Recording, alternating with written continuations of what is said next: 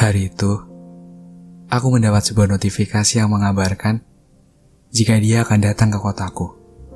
Dengan semangat, aku melintasi kota ditemani udara dingin di malam hari. Kemudian aku menunggunya di sebuah stasiun di pusat kota. Tapi dia belum ada di sana.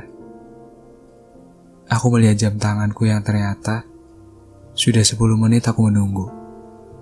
Dan aku masih belum bertemu dengannya. Di sini suasananya sangat ramai. Banyak orang yang datang untuk pulang dan bertemu dengan keluarganya.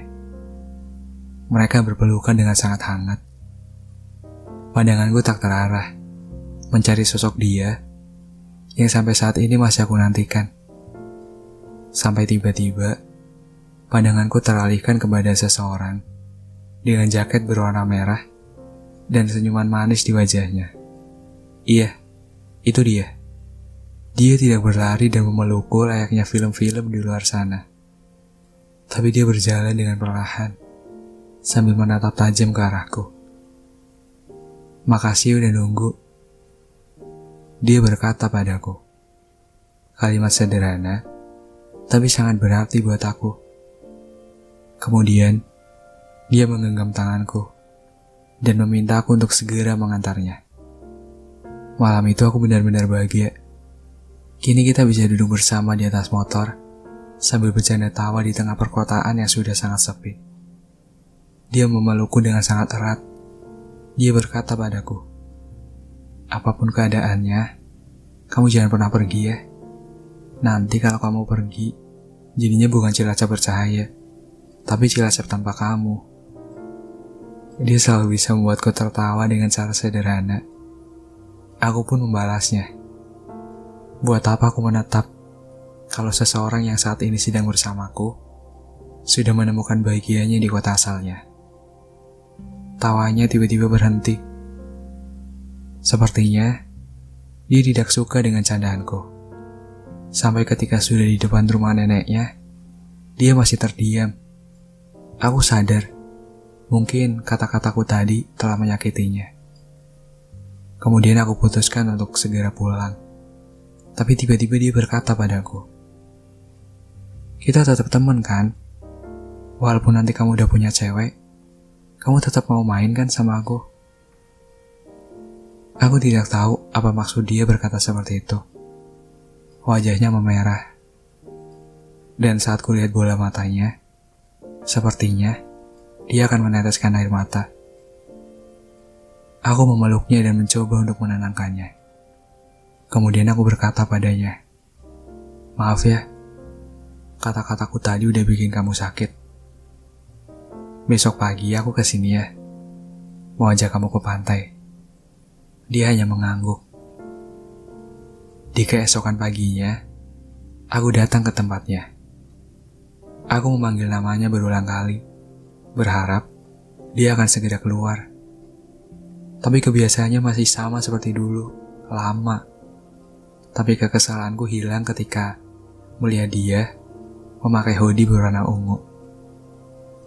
Dia semakin mengemaskan ketika menggunakan hoodie berwarna ungu. Tapi sepertinya bukan hoodie-nya yang membuat dia semakin mengemaskan.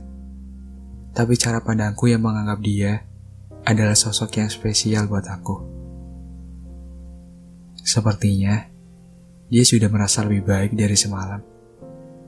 Kemudian dia berkata padaku, lain kali kalau manggil satu kali aja. Aku juga dengar kok. Tapi nggak apa-apa sih.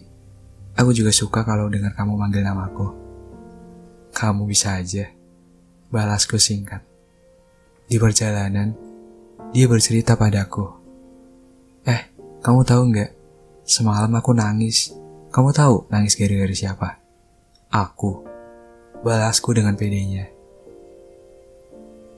Bukan karena kamu, tapi karena dia. Semalam, dia tanya, udah sampai apa belum? Sebenarnya dia juga ngajak teleponan sih waktu itu. Tapi aku udah capek banget. Dan kamu tahu nggak? Dia kirim VN nyanyi ke aku malam-malam. Ya karena itulah, aku jadi nangis. Oh, aku juga semalam baru ketemu seseorang yang spesial. Balasku setelah mendengar ceritanya. Oh gitu, berarti sebelum kamu jemput aku kemarin, kamu ketemuan dulu sama seseorang. Dia bertanya padaku dengan nada sedikit tinggi. Hari itu aku gak ketemu sama seseorang selain kamu. Kan kamu yang spesial buat aku. Jawabku. Dia hanya tertawa mendengar jawabanku. Kini aku sadar, seharusnya aku sudah pergi dari dulu. Tapi aku masih di sini dengan perasaan yang sama. Selalu menanti kedatangannya dan berharap aku bisa memilikinya. Terkadang aku lupa, sedekat apa pun aku dengannya, aku hanyalah teman buat dia. Tapi ya udah, bisa merasa nyaman ketika di dekatnya, sudah cukup buat aku. Sekian dulu episode malam ini. Terima kasih sudah berkenan dengar. Makasih karena tidak pernah bosan mendengar suaraku. Dan mungkin minggu depan podcast Awas Baper nggak akan mengudara di Spotify karena podcast Awas Baper akan eksklusif di Kaskus Podcast. Jadi buat teman-teman yang suka dengerin di Spotify, langsung aja ke Kaskus Podcast terus cari podcast Awas Baper. Ya sama kayak biasanya mengudara setiap malam minggu. Ya udah, makasih ya sudah berkenan dengar. Makasih karena tidak pernah bosan mendengar suaraku. Selamat malam dan sampai bertemu di Kaskus Podcast.